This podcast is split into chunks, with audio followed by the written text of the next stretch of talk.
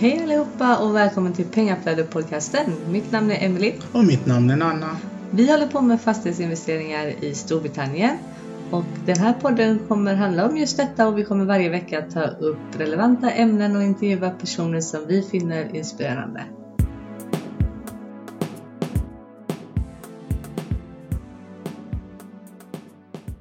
Hi! Uh, detta är Pengaflödet-podcasten.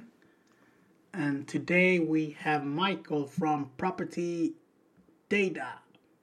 How's things? Hi there. Yeah, I'm very well, thank you. Thank you for having me on the podcast. Likewise, I'm very grateful that you accepted this because I know property data is very good for people that are very data interest and uh, maybe lazy investor, armchair investor. I suppose in some ways we're all armchair investors because of COVID. Certainly in the UK, it's it's harder now to go out there and you know and, and, and do research in person, and I, I think that's one of the reasons that actually the interest in, in armchair investing or armchair research has uh, has actually gone up a lot in the in the last few months. Yeah. Have you seen that your revenue have uh, like increased a lot dramatically since COVID hit? Yeah. I mean, certainly when we look at our subscriber numbers, there was a, a little bit of a dip in April, uh, and that I think is just people, uh, certainly over here in the UK, where were just fr- freaking out and no one knew exactly what was happening. But uh, since then, we've seen super strong growth. We probably doubled our subscriber numbers between March and and now. So yeah, and I think that that's definitely comes down to an increased interest in property investing and an increased interest in being able to do research from the comfort of your home, from your from your desk. Wow, double. So basically, COVID has been good for you. yeah. you COVID has been very, companies. very good for, for property data. And, you know, I know that we're very lucky because lots of other businesses are struggling. But uh, yeah, for, for property data, um, we've been lucky and it, it seems to have been a, a, good thing. May I ask, how long have the property data been around? For about three and a half years. So, uh, April 2017, we started the business. Mm-hmm. And could you like do a, like a background story about you and the company?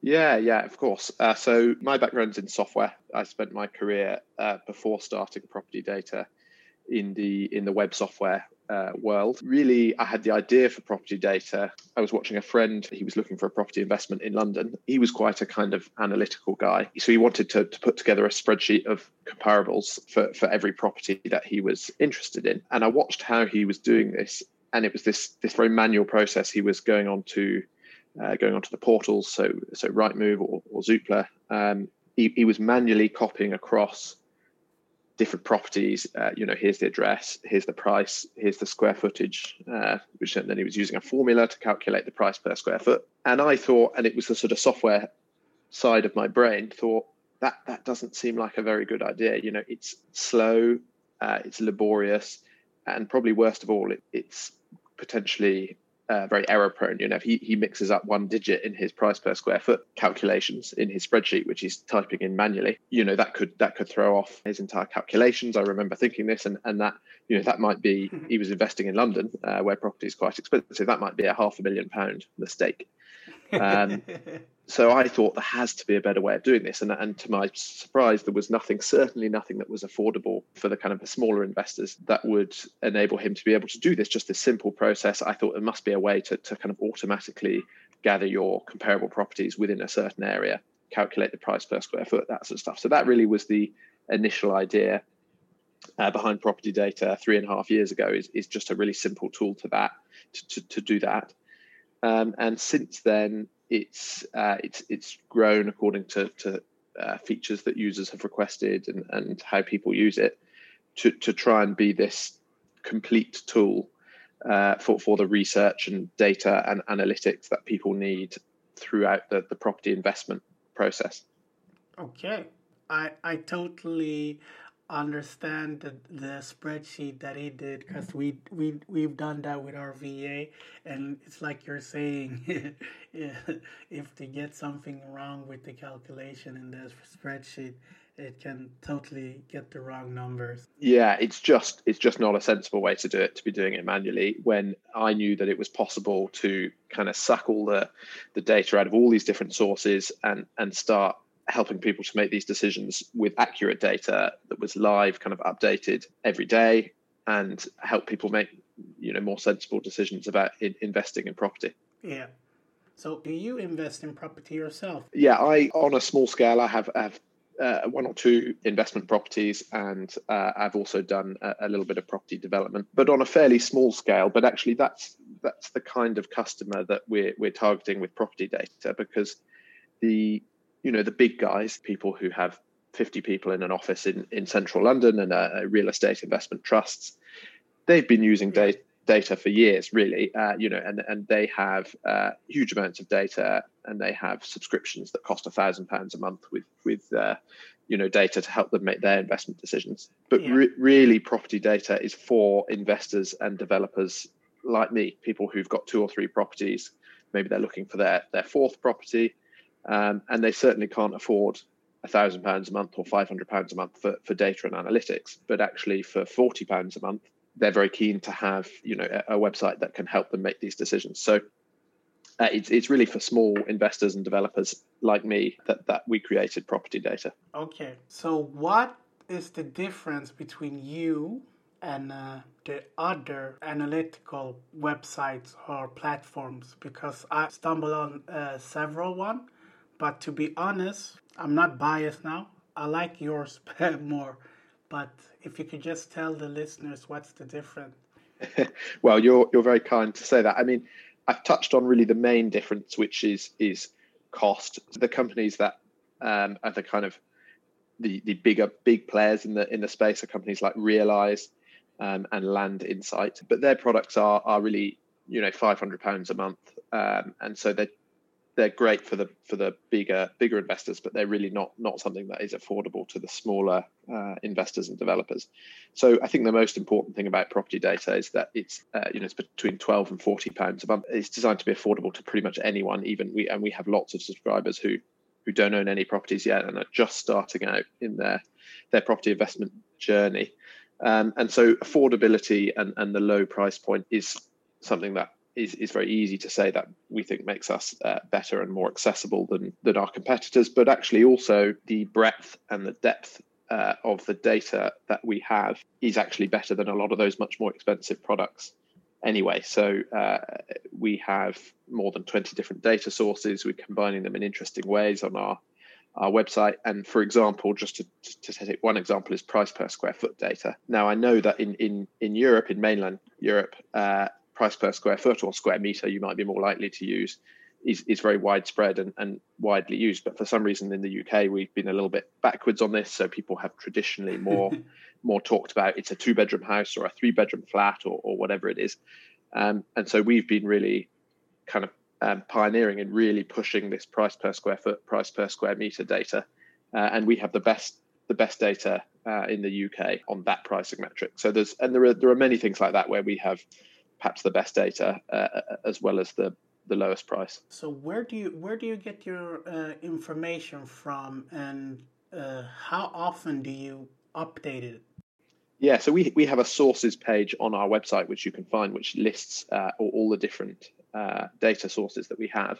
So there's there's I think 24 different data sources last time I counted, and we're not secretive about it. That in fact, is the opposite. We're very transparent and clear, uh, always about where the data comes from, um, uh, the kind of sort of chain of chain of data, just so that people can see where we've got the data, how we've processed it, and so on. It's a combination of government data uh, that is in some cases free and open, or in some cases you have to pay a quite an expensive license for. Private data from other websites, other companies, that, that we license and bring in, we combine that data in, in interesting ways. And we, we always update data as often as the data source allows. So in some cases, for the for the market data that's coming from portals, we're updating that every minute of every day uh, to try and get that data as up to date as possible.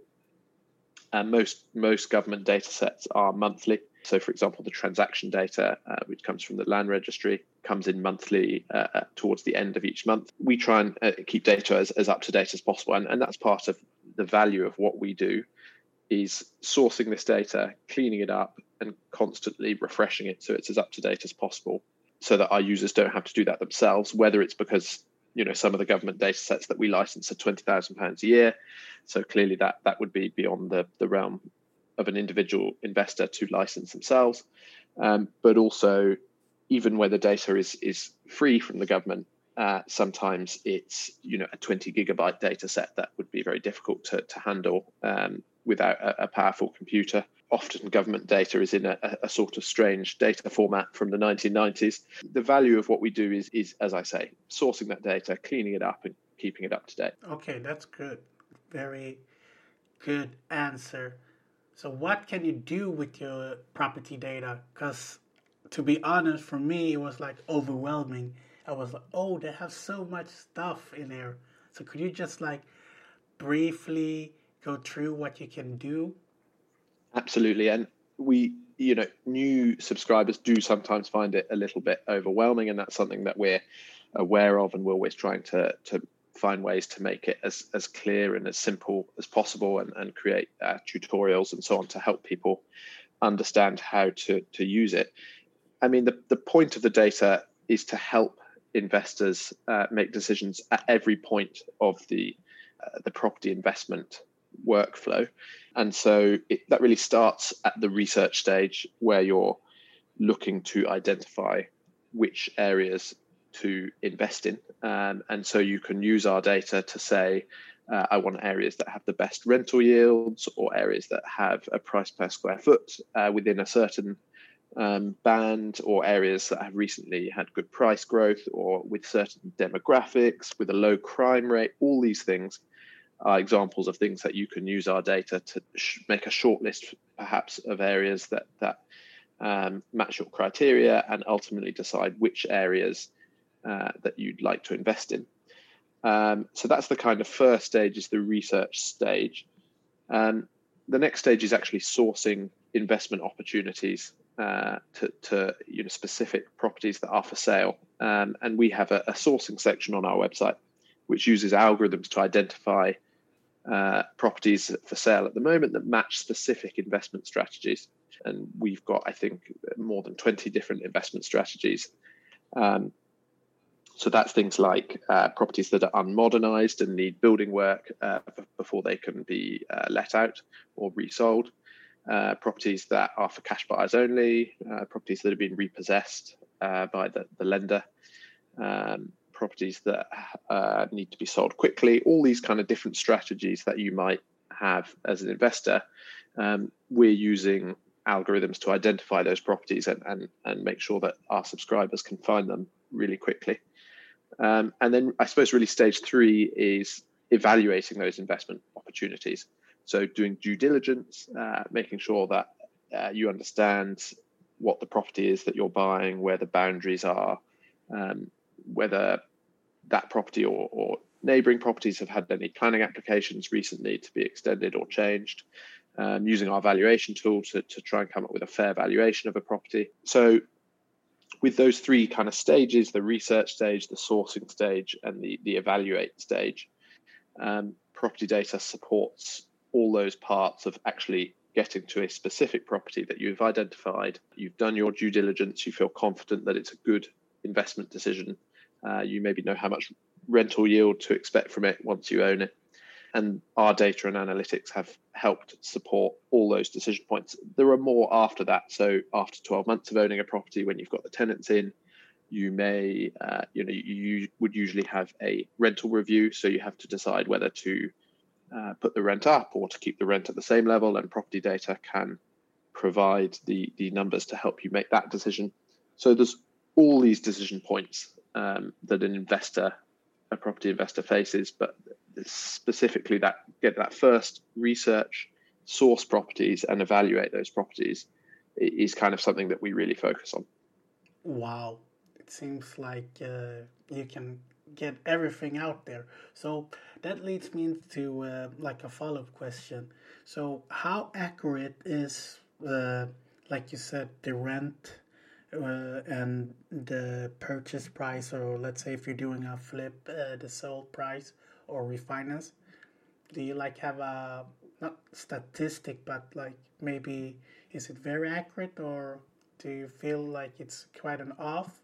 And I know that we've been this time of the year uh, with the COVID, prices have just exploded. So uh, maybe it's kind of difficult to to be accurate. Yeah, I mean, we obviously it, specifically thinking of our valuation tool uh, on our website, where we we uh, can give a, a sale and a rental valuation for any urban or suburban property in the UK. Um, we obviously try to make that valuation as accurate as possible. Uh, we use many different data sources and different methods to value the property and then kind of combine those methods. But of course, evaluation is only as good as the data inputs. And there is this tricky thing at the moment because of COVID. There is there's a shortage of data in some respects because there was there were fewer transactions in the UK between you know March and July. There were fewer than usual transactions, so that means less comparable transactions to uh, for us to use in our valuation model. It's a strange time in the market. You know, we're seeing, you're right, prices, uh, certainly prices for properties um, out of town with big gardens have, have really boomed in the last six months. But uh, urban properties with no outside space, uh, particularly outside London, in, in what the second cities like Manchester, Liverpool, Birmingham, um, haven't done so well. And so we have these strange market dynamics and, and a little bit of a shortage of data. So I would advise people to treat any automated valuation with a little bit more uh, care uh, in the current, you know, this year at this time. But of course, we're always tweaking our valuation model and trying to make it as accurate as possible. Yeah, that was a really good response. So, why should we that are remote investor or armchair investors use this tool? Do you think? Yeah, I mean, property data is designed for all investors and developers, and, and most of our subscribers are based in the UK. But actually, I have always thought that it's most useful and most powerful for uh, for remote investors because uh, local investors who are investing locally, I always say data cannot replace and cannot be, you know, a brilliant human knowledge from someone who's lived in an area for 20 years. So if you're investing in your home area that you've lived in for 20 years, perhaps you don't need property data so much. But if you're investing in areas that you don't know that you haven't been to, and if you're remote, uh, you know, whether that's someone in London wanting to invest in, in the north of England or someone in Sweden investing into the UK, suddenly this remote research becomes not not just a, a nice to have, uh, but an essential because you can't necessarily do any there's no alternative. You can't you can't visit the area necessarily and, and walk the streets and speak to the person who runs the local pub. Um, you know it might be difficult anyway if you live in, in sweden but with covid uh, and travel restrictions and all that it's harder than ever. So suddenly the ability to really explore areas uh, you know our local data tool on our website it, how that works is that you draw an area that you're interested in, and, and the system gives you all these different data points and analytics, uh, both about the pricing in the area, but also things like demographics and crime rate and schools. And so the ability to get all that data quickly and easily for any different local area that you're interested in, almost, you know, it's as close as possible to putting a remote investor on on the same level with the same level of knowledge as a local investor. It's it's as close as you can get to really understanding an area is to use something like our local data tool to to really see all the different data and analytics that you can about that area. So I think that uh, for for remote investors, using something like property data is is is a must. Yeah, I always uh, recommend to people if they don't uh, want to uh, learn about the area and etc. Like uh, me and my fiance want to, they should definitely get property data. But we even uh, we did had uh, property data for a while, and uh, we're thinking about getting it again. So. yeah, and and that I mean it's something that just to mention on what you said. Um, one another thing that makes property data different to to some of our competitors is that there are no fixed long-term subscription. So we don't tie people into a 12-month subscri- subscription uh, or, or, something like that. So you can subscribe for just two months or three months, um, and that's fine. With that's lots of our subscribers do that, and we're happy with that. So investing in the if you're thinking about investing into the UK and you want to just use property data for four or five months during the period where you compare areas and uh, look at different properties, you can do that without fearing that you're being tied into a, a sort of long one or two year subscription uh, like like some of the other yeah. uh, other websites do. Yeah, that's that's exactly uh, what we did in the beginning, to be honest. But uh, you, we, I mean, you still need to update it, and like you're saying, uh, that's a really good approach from you guys doing that. Yeah, I mean, what what we find is that sometimes people who start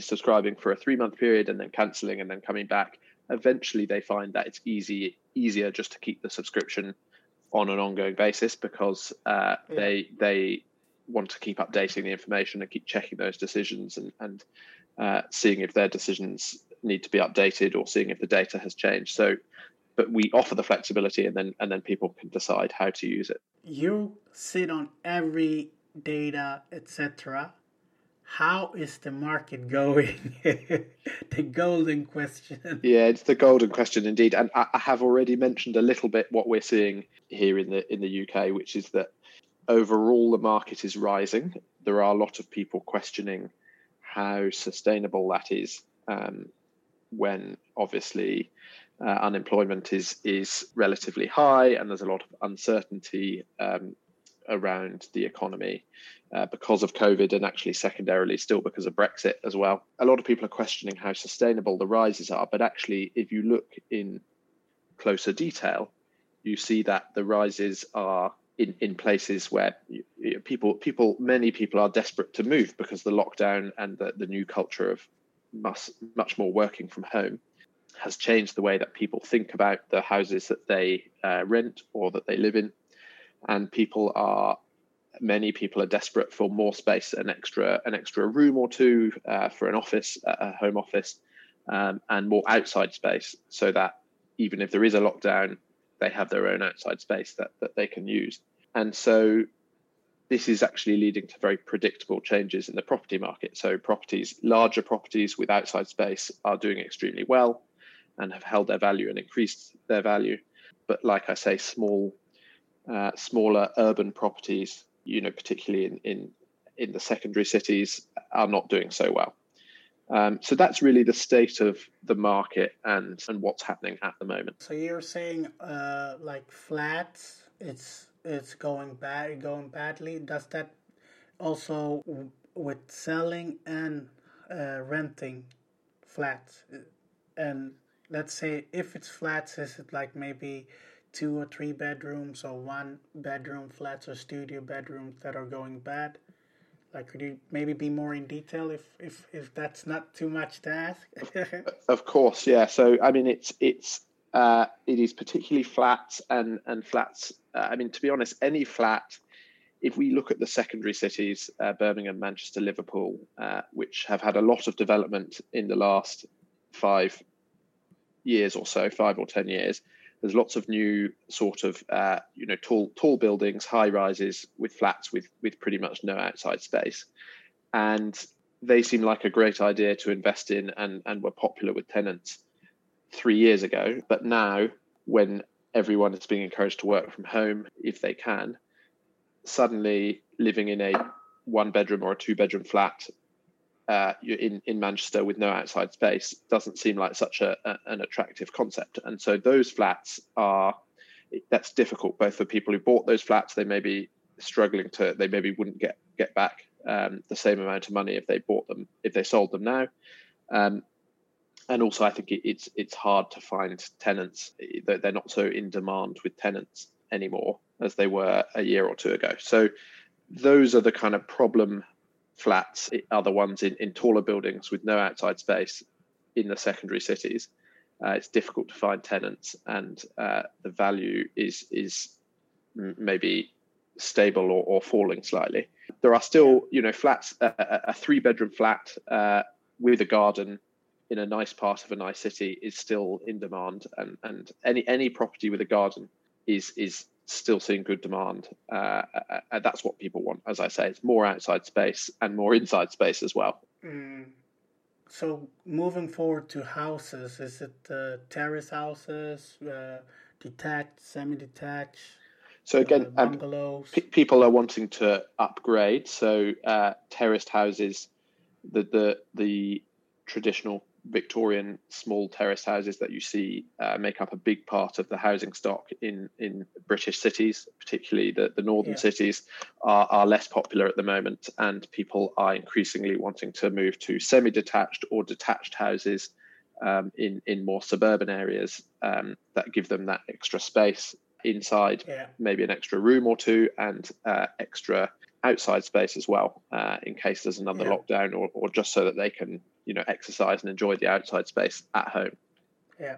So, so have rent increased on those as well, on these semi-detached and detached that you A- absolutely yeah if, if you are a, a lucky landlord who owns a spacious detached house with a big garden in a nice suburb within Yeah. certainly an hour or two of london you've you've done well in the last uh, you know 12 months. In fact i was very lucky. One one of the properties that i own is a detached property with a large garden in oxford um, which is is uh, about an hour from london. And it, Yeah. it recently uh, my tenants moved out so i put it back on the market uh, to, to find new tenants about two months ago. And it's not even it's a little bit what we call unmodernized. Um, so it's it's uh, quite from the 70s inside um, because i'm waiting I'm, I'm going to apply i'm applying for permission to to redevelop it which is my long-term strategy with the property in the meantime in its even though it's unmodernized uh, it rented within two days which is un, unheard Wow. i had an offer for full rent asking price within two days and it was exactly the story that we're all hearing, which is it was to a couple of people uh, with a two year old child moving from London to Oxford because suddenly they were both working, even though they both worked for London employers, they were both working from home for the foreseeable future.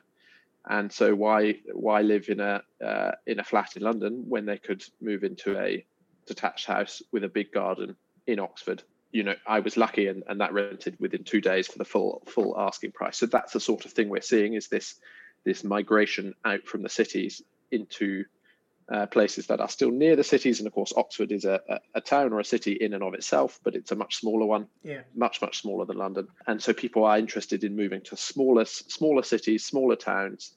Uh, to, to have a better a better quality of life uh, with with working from home. yeah, definitely. So, I know you you cannot see into the future, but what does what do you forecast in the future? Yeah, I'm I'm very wary of making uh, forecasts because usually when you make a forecast, it's it's wrong. Um, but I think I would just say that it depends on what you believe about these these changes uh, from from coronavirus and from working from home.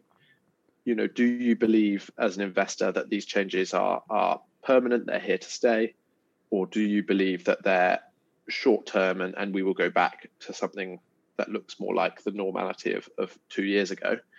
Because you, if you believe that they are here to stay and they are permanent you would be crazy to buy flats in tall buildings in cities and you should uh, you should invest in in you know detached houses with good outside space in in suburban areas. But on the other hand if you think you know yes now everyone wants to live in in you know detached houses with gardens but actually in two years, three years, we will be back to more normality. People will flood back to London. People will flood back to the cities. And that, of course, means that it could be a great time to actually buy some of these distressed properties. Uh, you might get a good deal on a property that no one wants to live in at the moment, or there is reduced demand at the moment. Um, but you think that in two or three years, people will return to the city. So that is the ultimate decision facing uh, you know, the ultimate prediction that uh, I suppose a property investor needs to uh, make at the moment. Um, and I mean, my view would be sort of somewhere in the middle. You know, I think that that um, we will definitely see a long-term, permanent increase in home working uh, as a result of, of the last year. Um, but I also think that people like cities and people will return to the cities. So uh, I think it's Yeah. it's a little bit of both. So that leads me into my question, my um, my second question, or your thoughts about this. So let's say if we go uh, through every like the macro data about uh, people going to get redundant and all of this uh, lending that the government have taken. Uh, so let's say if we go into a crash or people will lose their job, don't you think that they will like default on their mortgages and will be forced to go back to uh, to the cities and to smaller apartment, etc.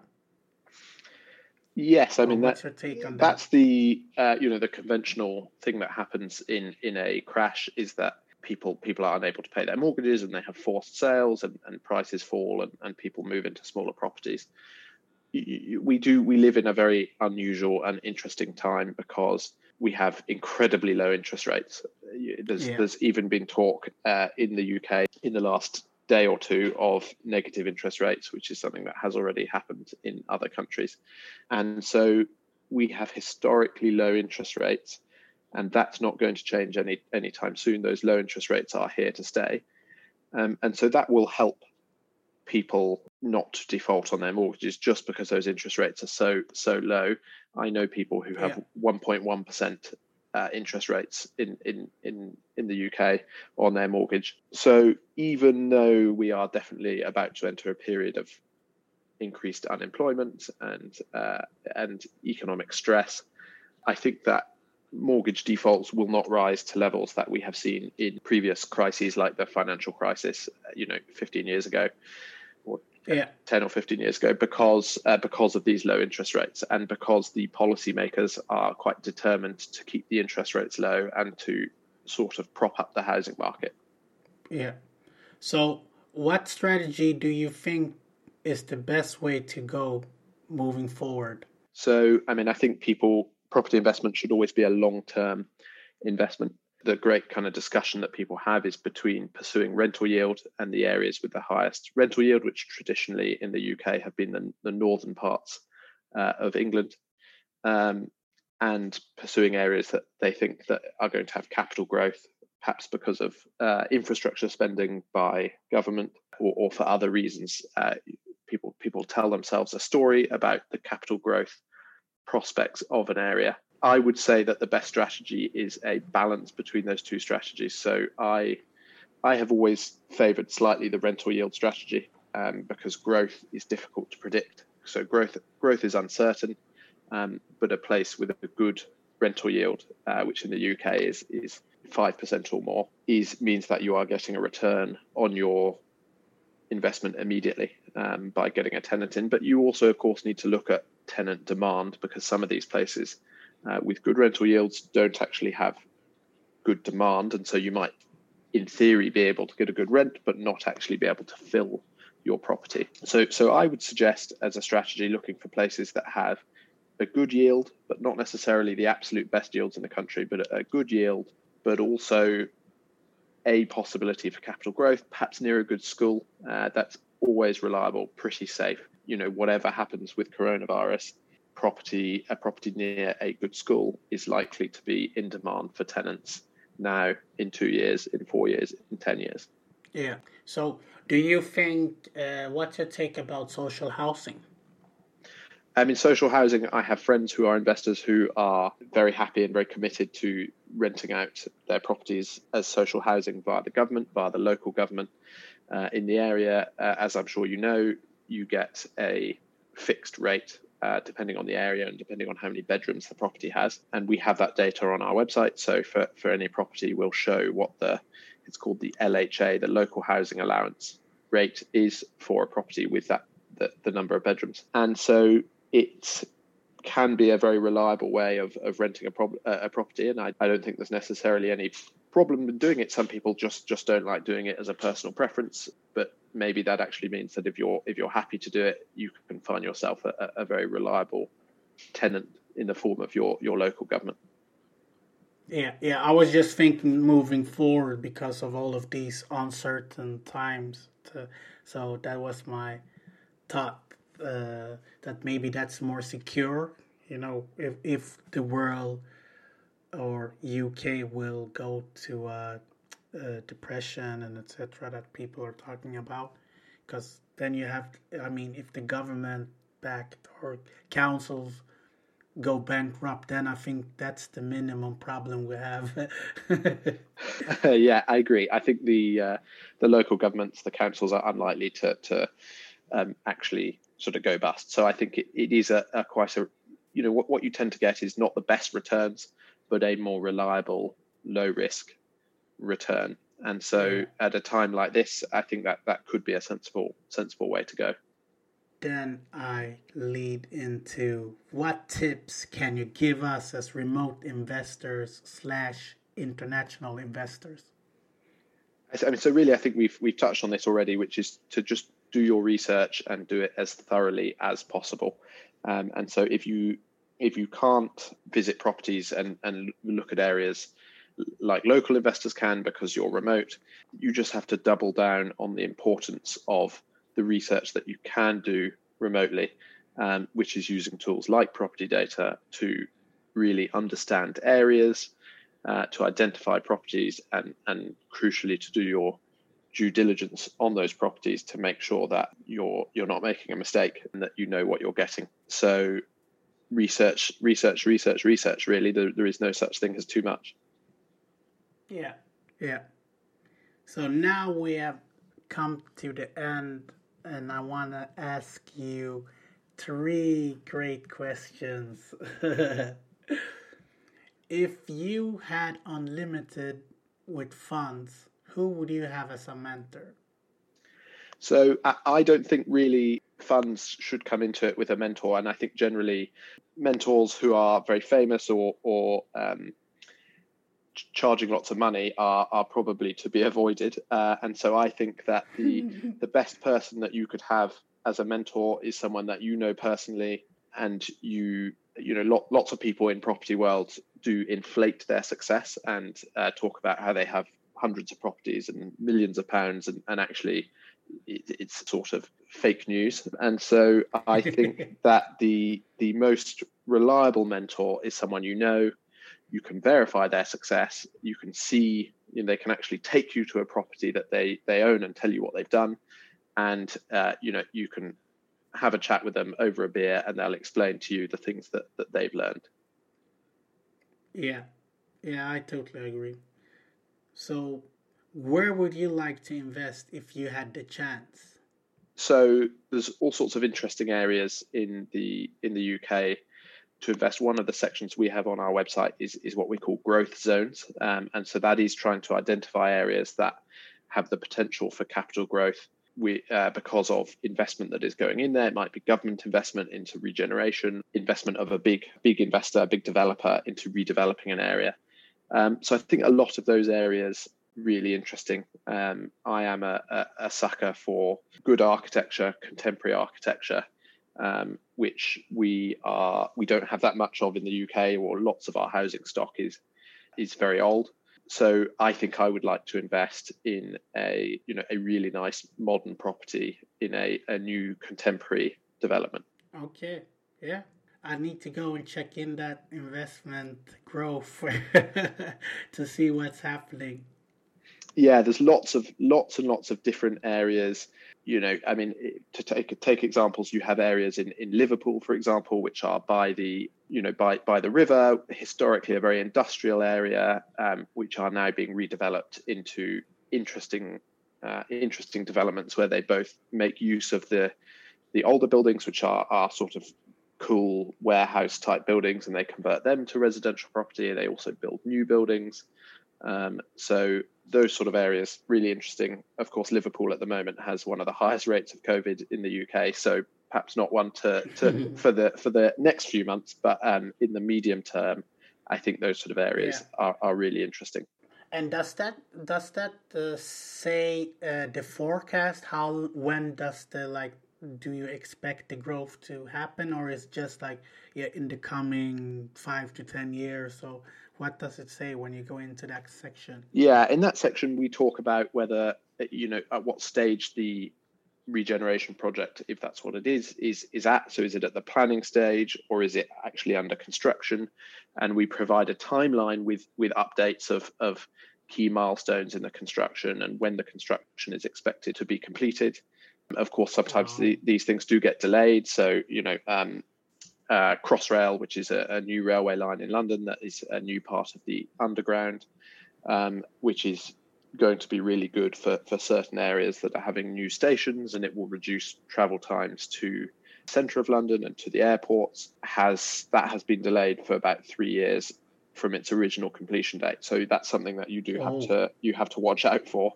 Uh, and the other big railway infrastructure is something called HS2, High Speed 2, yeah. Uh, which is going from London up, up to the north of England again, there are uh, you know proposed stations that are, are going to really develop, uh, really really benefit any properties that are within a five mile radius, let's say, of, of those new stations will have access much much much quicker access to London. But that again is a very controversial project. Uh, lots of people are very unhappy about it, and that has been reviewed several times. So sometimes there are these political uncertainties that you have to yeah uh, watch out for. Of course, we can never forecast exactly when things are going to be completed and and and so on. But uh, again, if you look in that section, there are lots and lots of interesting areas. Yeah, yeah. Okay, yeah. So listeners, go go in and look. So, what book would you recommend to your child? I know you have a ten month year son.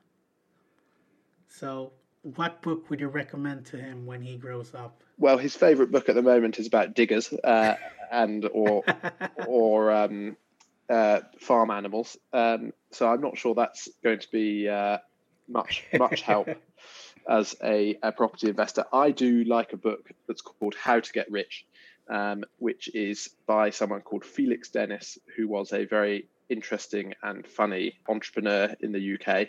He died a couple of years ago and he he did make himself very rich. He had certainly hundreds of millions, half a billion, half a billion pounds possibly by the time he died, having started with nothing. Wow! So not through property, but through through entrepreneurship and business. And uh, he has lots of funny stories and, and, advice about how he got to where he did. So uh, that is a book that I I enjoyed and, and do recommend. I'll I'll check that one out myself.